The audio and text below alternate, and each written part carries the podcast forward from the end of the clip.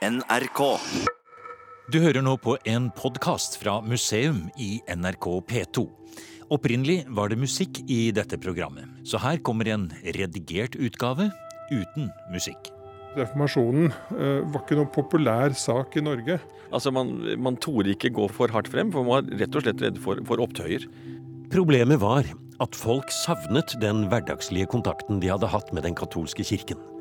Før hadde det vært kirker overalt som sto åpne hele døgnet. Det blir litt på samme måte som supermarkeder og butikker i, i våre dager. Folk kom og gikk til hverdags, ikke bare til gudstjeneste i, i, på søndag. Folk kunne drive sin individuelle religiøse øvelse eh, nede i kirken og ved alle sidealtrene med Maria-statuer og statuer til eh, Sankt Olav etc. etc. Kanskje blir det noen nye og overraskende sider ved historien om reformasjonen i Norge vi skal få høre om i dette programmet. Stemmene vi møter, er språkforskere, teologer og historikere som var samlet til et stort dansk-norsk møte på Lysebu i september 2017. Det de diskuterte, var hvor totalt forskjellig reformasjonen ble opplevd i Danmark og i Norge. I Norge var det motvilje og motarbeidelse. I Danmark gikk alt så mye bedre da reformasjonen kom. Men der var sosiale motsetningsforhold, politiske motsetningsforhold og religiøse motsetningsforhold. Og det gikk sammen i Grevens Fejde, som var en afskyelig borgerkrig, hvor man slagtede hinanden på den mest modbydelige måde. Så reformasjonen i Danmark er ikke noen sød historie. Og i dette programmet skal vi også høre litt om hvordan synet på reformasjonen har vært når man ved forskjellige anledninger har sett tilbake på de 500 årene som er gått siden den katolske kirke ble rystet i sine grunnvoller av Martin Luthers teser. Kunne det ha vært Guds straffedom? I Norge ble resultatet i hvert fall mye mer enn at gudstjenestens innhold og utsmykking av kirkene ble forandret. Den vanlige oppfatningen blant norske historikere har vært at Norge som nasjon, og egentlig alt annet norsk også, gikk under med reformasjon. Og i det hele tatt, det er et motiv der alt er tungt og trist for den norske nasjonen. Og det blir ikke lyst før i 1814. Nei, da gjenoppstår da Norge som et nytt rike. Men vi begynner med begynnelsen. Nestor i historiefaget, professor emeritus Øystein Rian, forteller om hvor feil det er å tro at folk i Norge var fremmedgjort for kirken før reformasjonen. At de ikke forsto hva som foregikk på latin, og at det nærmest var tvang å gå i kirken. Kirken var overalt, sier Rian, og en helt naturlig del av folks hverdag. For det første var det jo veldig mange kirker, og det var jo særlig merkbart i byene. En by som Bergen, som var en av Nordens store byer, da, men hadde jo ikke mer enn 6000-7000 innbyggere. Der var det før reformasjonen 27 kirker. Og etter reformasjonen var det fire kirker. Folk kom og gikk til hverdags. Så, så det var jo ikke bare det prestene gjorde. Men, men, folk kunne drive sin individuelle eh, religiøse øvelse eh, nede i kirken og ved alle sidealtrene med Maria-statuer og statue til eh, Sankt Olav etc. etc. Det som vi den dag i dag som turister opplever i katolske land. Var jo slik her også. Så opptog med statuer som bæres ut osv. Og slik var det jo her også. De, og de fortsatte til dels med det, i hvert fall i fjernere kirker, sånn som Eidsborg stavkirke. Der de hadde en statue til helgenen Nikuls, som de hver sankthans bar ut og gikk i prosesjon med et par hundre år etter reformasjonen. Hver eneste sankthans. Flere av de som har holdt eh, innlegg her på dette seminaret om reformasjonen, og hva som egentlig skjedde sånn i rent praktisk sammenheng, de viser til at eh, mens alt dette, dette mangfoldigheten, alt dette som da blir ensretting, kirkene blir stengt, det blir annerledes, det blir bare åpent til gudstjenester, alt dette med ordet som kommer frem istedenfor følelsene, det fører altså til at i Norge så savner man dette. Altså Man ser med nostalgi tilbake på denne tiden etter reformasjonen. Mens i Danmark så fører det til optimisme, fremtidstro og en ny start. Ja da, fordi at eh, kongen sitter jo i Danmark, og han er jo dansk. og Det kom jo det vedtaket i 1536 mellom kongen og det danske riksrådet om at Norges rike er avskaffet og eh, er en del av Danmark fra da av sier de jo, skriver og, og det blir jo gjennomført som politikk, selv om begrepet Norges rike fortsetter. Så, så, så Norge blir offisielt kalt et rike i fortsettelsen. Men, men, det er jo styrt fra Danmark og inkorporert i den danske staten. Og kirkeledelsen er i Danmark, og alt kirkelig liv når det gjelder beslutninger og initiativ, det foregår i Danmark, først og fremst i København som du uttrykte i ditt eh, foredrag, eh, den danske stat spiser seg fet på den norske slakt? Jo, det er klart at hele situasjonen, også med beskatning og overføring av overskudd av skattene i Norge, det som ikke brukes til administrativ drift, det sendes til kongen i København. Og det samme med kirkegodset, overskuddet fra det, og for så vidt eh, alt det som blir skrellet vekk i, av kirkeinventar. Og, og, smeltet om av sølv og, og, gull til mynter i rentekammeret i København. Det, det, er jo klart det er, det er et uh, konkret uttrykk for dette. Vi er jo da passive mottakere til det hele. Og så er det i noen grad, eller kanskje i betydelig grad, det eh, vi i dag kunne kalle en eh, undergrunnskirke. Med folkelige holdninger eh, som er omfattende levninger fra katolsk tid, og katolske holdninger som fortsetter i 200-300 år framover til 1700-1800-tallet. Og selv da, langt inn på 1700- og 1800-tallet, var det store forskjeller på hvordan den danske og norske folkereligiøsiteten uttrykte seg. med fryd vi ser er havet til oss oppkomme. Den den danske teologen og salmedikteren Nicolai Grundtvig ble den store fornyeren i dansk kirkeliv på begynnelsen av 1800-tallet.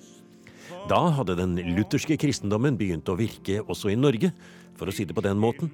Men grundtvigianismen fant ikke samme gjenklang i Norge som i Danmark, sier historiker Øystein Rian.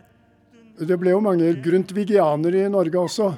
Men de hadde et problem med å omplante grundtvigianismen her. For de kunne jo ikke uh, ta med seg den danske nasjonalismen. De måtte jo da gi det en slags norsk overbygning. Men uh, denne, denne, lyse optimismen den passet ikke så godt til norsk mentalitet. Den harde norske virkeligheten med den streng natur og kampen for tilværelsen. Så, så de slo ikke så an. Jeg tror det, det er en viktig års, årsak til at grundtvigianismen ikke vant fram blant folk flest, for å bruke det uttrykket, i Norge.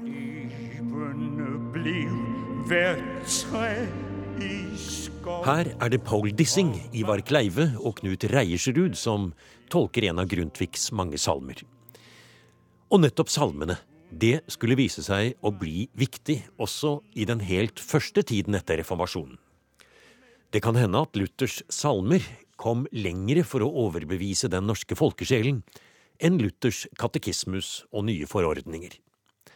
Det skal vi snart høre mer om, men først spør vi professor i kirkehistorie, Tarald Rasmussen fra Det teologiske fakultet, om hvordan selve skiftet mellom katolsk og protestantisk tid foregikk i 1537. Én ting var at klostrene skulle avvikles og nasjonaliseres, men hva med prestene? Kunne de bare fortsette?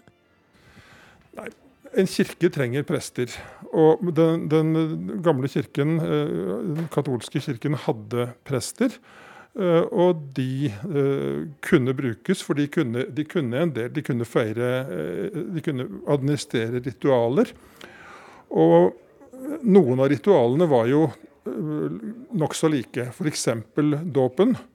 Eh, den var omtrent lik etter reformasjonen. Når det gjaldt nattvern, så eh, ble den tolket på en helt annen måte. Nattvern, altså Den teologiske forståelsen av hva nattvern var, den ble helt annerledes. Nattvern var ikke et messeoffer og en del sånne ting som Luther var veldig sint på. Men at brød og vin og innvielse av brød og vin sto i sentrum, det var det samme. Annerledes var det at man skulle involvere at menigheten var med i nattvern. Kongen sikret seg troskap og lojalitet ved å forlange at enhver superintendent og enhver prest skulle avlegge ed og I den eden så var troskap og lydighet overfor kongen punkt nummer én. Og Først et stykke ned på lista kom det at de skulle forholde seg til den lutherske tro og liksom følge kristendommens normer og regler. Så jeg hadde nær sagt verre var det altså ikke. Så kunne man skrive under der, så var det greit. Ja, og dette, dette måtte prestene gjøre. Altså Det var ikke, det var ikke sånn at alle sogneprester måtte reise til København og avlegge ed til kongen, men de gjorde det overfor kongens lokale representant, som skulle ivareta den verdslige myndigheten i lokalsamfunnet. Da måtte presten stille opp der og, og avlegge et løfte eller en, en ed. Lutherdommen var i starten mye tekst, ord og regler, sier professor Tarald Rasmussen. Han legger til at det i Norge ikke kom noen tydelige lederfigurer som talte protestantismens sak. I motsetning til i andre land, hvor teologer og forfattere ble inspirert og ivret for den nye tid. I fjellandet ville ingen ha reformasjonen. Og det ble heller ingen akademisk begeistring rundt den nye kirkeordningen i 1500-tallets Norge. Men så ble lutherdommen formidlet også i stor grad gjennom, og ikke minst gjennom salmene.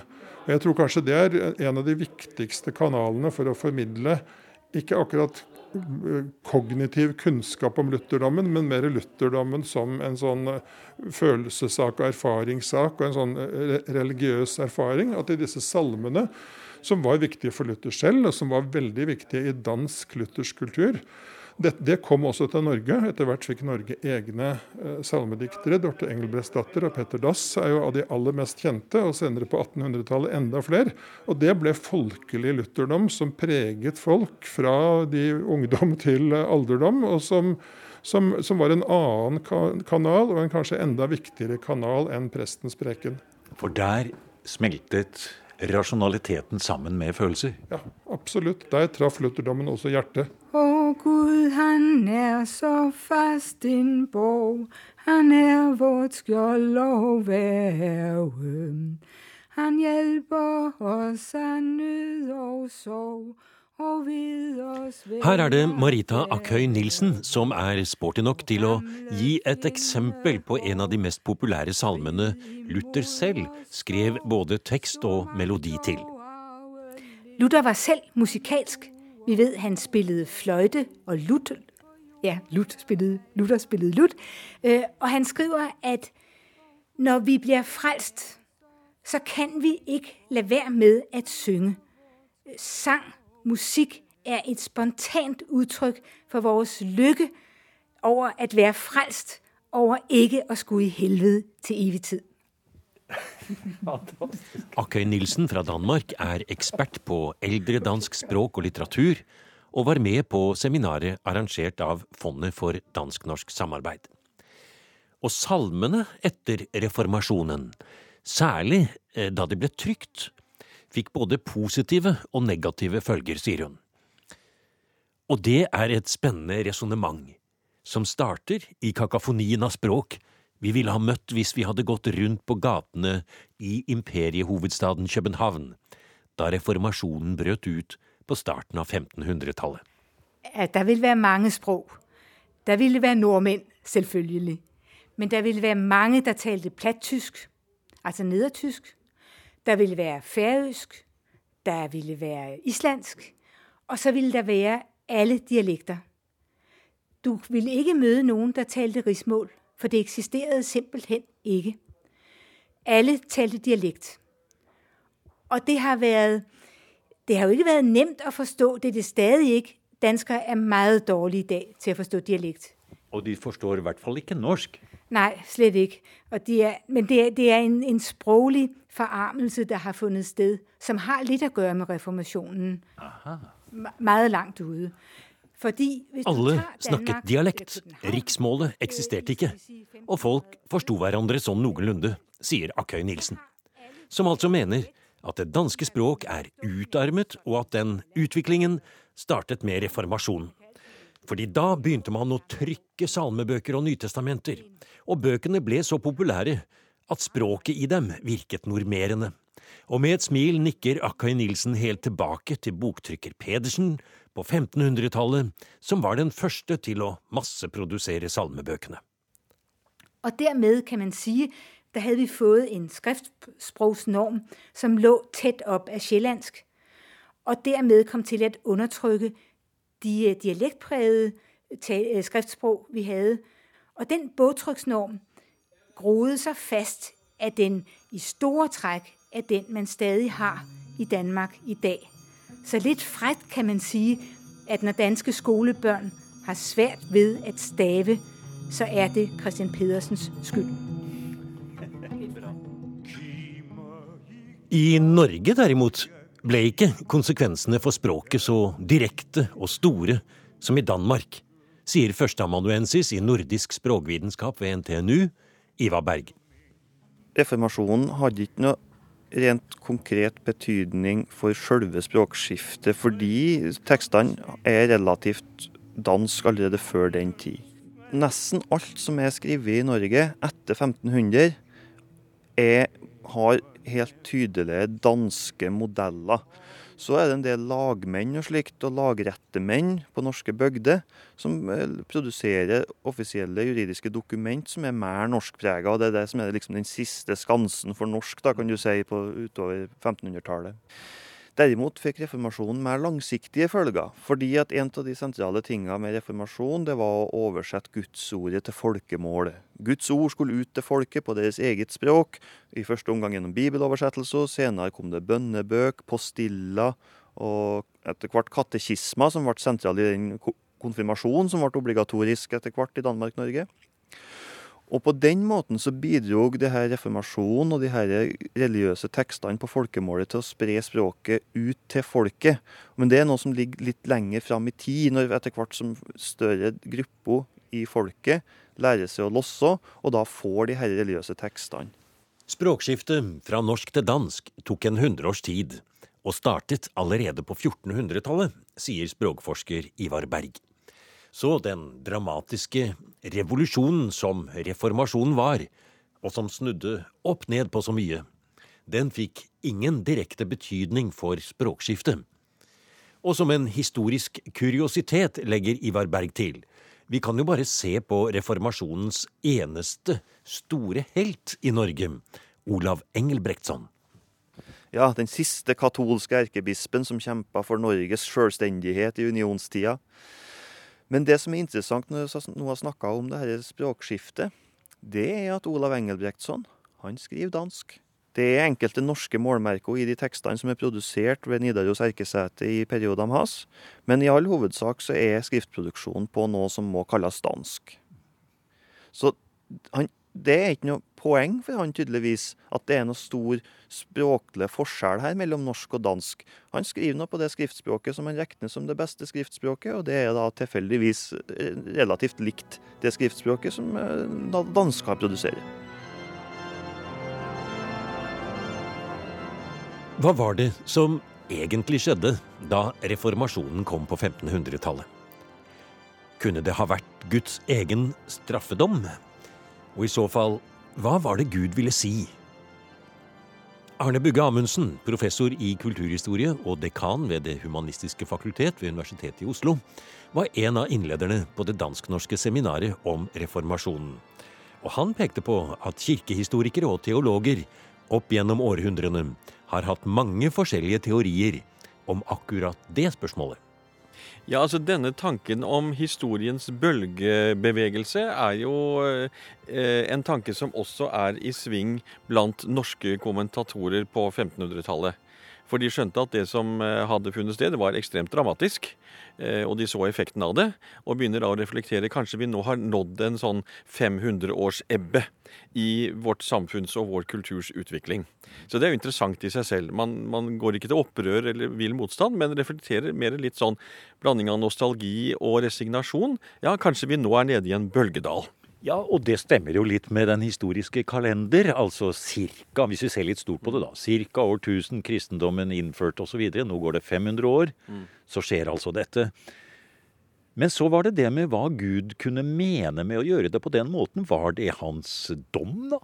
Ja, det er jo den andre siden av denne tanken. At når det kommer en eh, historisk ebbe, så skyldes det at Gud vil si menneskene noe, og gjerne fortelle dem at de har syndet, gjort noe galt, at de må skjerpe seg, gjøre bot. Eh, og det betyr at det kan ligge en forhåpning i den andre enden om at det kan komme en historisk flo som gjør at det går bedre igjen. Men, men det er en forestilling om Guds tale og inngripen i historien som jo er fremmed for oss, men som var ganske levende for datidens eh, tenkere, altså. Og nå kommer biene fra Lysebu inn her over oss, men vi er litt rolige og lar de bare summe videre. Eh, andre historikere som jo er kjent i den norske vitenskapshistorien som P.A. Munch og Sars osv. Når vi nå er på det punktet på hvordan andre tidligere har bedømt reformasjonen, hva mente de? Vi kan jo starte med Petter Andreas Munch, som jo er en av de første store norske historikerne i akademisk forstand. Han eh, skriver noen lærebøker i 1830-årene hvor han kommenterer eh, på disse tingene. og Dermed så får han jo også et betydelig gjennomslag i, i norsk allmenn tenkning, for å si det sånn. Eh, og han er opptatt av at kristendommen selvfølgelig er en god ting. Og han er en praktiserende luthersk kristen, så han kan heller ikke si at lutherdommen er en gal ting. Men han er opptatt av at da den lutherske reformasjonen kom til Norge i 1536-37, så kom den i utide, som han kaller det. Altså den kom for tidlig, den passet ikke med folkets og nasjonens historiske utvikling. Så han har en forestilling om at kanskje tiden er kommet for å gjennomføre en ny reformasjon etter 1814, for da har nasjonen funnet sin form. Folket begynner å få en røst. Da, sier han, er det kanskje tiden for å realisere reformasjonsprosjektet i Norge for alvor. Og da er vi jo liksom 300 år etterpå. Ja. Så, så, det er en, en, veldig interessant historiekonstruksjon, det også. Ja, og da, har, da må vi jo nesten nevne altså Hans Nilsen Hauge, som jo da hadde gjort sin virkning. Ja, altså Hans Nilsen Hauge er jo selv en som reflekterer historisk. Han skriver på slutten av sitt liv en ganske stor kirkehistorie, en, en verdens kirkehistorie, hvor han plasserer seg selv og sin egen bevegelse inn i utviklingen. Eh, og han mener at eh, hans egen bevegelse er et bidrag til å realisere kristendommen i Norge. Men så har han en interessant passus. Fordi han ser at hans bevegelse nok kan eh, ha et visst gjennomslag i det norske samfunnet, men han er pessimist i forhold til om den kan lykkes i å nå helt frem. Så, så han forestiller seg nesten sånn som han gjorde på 1500-tallet, at vi går kanskje oppover nå i religiøs opplysning, men kanskje tiden vil komme om en stund om at det kommer en ny historisk og religiøs ebbe, og at det er andre deler av verden som kommer til å holde den, den kristne lysestakens lys levende. Så han er nesten tilbake til 1500-tallets måte å tenke historiske bølgebevegelser på. Jeg syns denne måten å se det på er veldig interessant. Fordi det vi kanskje normalt sett forestiller oss, det er at reformasjonen er et kolossalt brudd med noe. Det er en voldsom revolusjon. Og i rent militære og statspolitiske termer så er det jo et statskupp og en revolusjon i og for seg. Men for folket, for vanlige mennesker, så kanskje ikke de er med så mye på denne reformasjonen. Det er Én ting at ingen spurte dem. Eh, de fikk ikke sjansen til å gjøre sine stemmer hørt. Eh, Norge blir jo i realiteten okkupert fra dansk side, så det er jo en okkupasjon i tillegg til at det skjer en revolusjon. Eh, og jeg tror at det gikk en stund før folk flest punkt én skjønte hva det var som var skjedd. Og punkt to, når de først skjønte det, så opplever de litt sånn som man kanskje kan diskutere i våre dagers samfunn, altså at det skjer et tillitsbrudd i relasjonen mellom styrende og styrte. Eh, man opplever at de nye myndighetene, både de kirkelige og de sivile, faktisk ikke lenger holdt sin del av kontrakten med de styrte. Og det fører til, eh, det er iallfall min tolkning, at folk flest trekker seg tilbake. De, de, vender ryggen til disse nye prestene, som ikke holder det de gamle hadde lovet. Eh, de vil gjerne ha eh, gavene sine, kirke, kirkegavene tilbake, fordi de, plutselig så hadde de ikke noen funksjon lenger. Så jeg tror det skjer en slags tilbaketrekning fra folk flest, og sier at ja, men da får vi klare oss selv. Og dette har veldig lange effekter i norsk kulturhistorie, i min, i min fortolkning av det. Altså hvis man går til 1800-tallets folkelige religiøse tradisjoner, så finnes det veldig mye der som åpenbart har røtter tilbake til katolsk middelalder.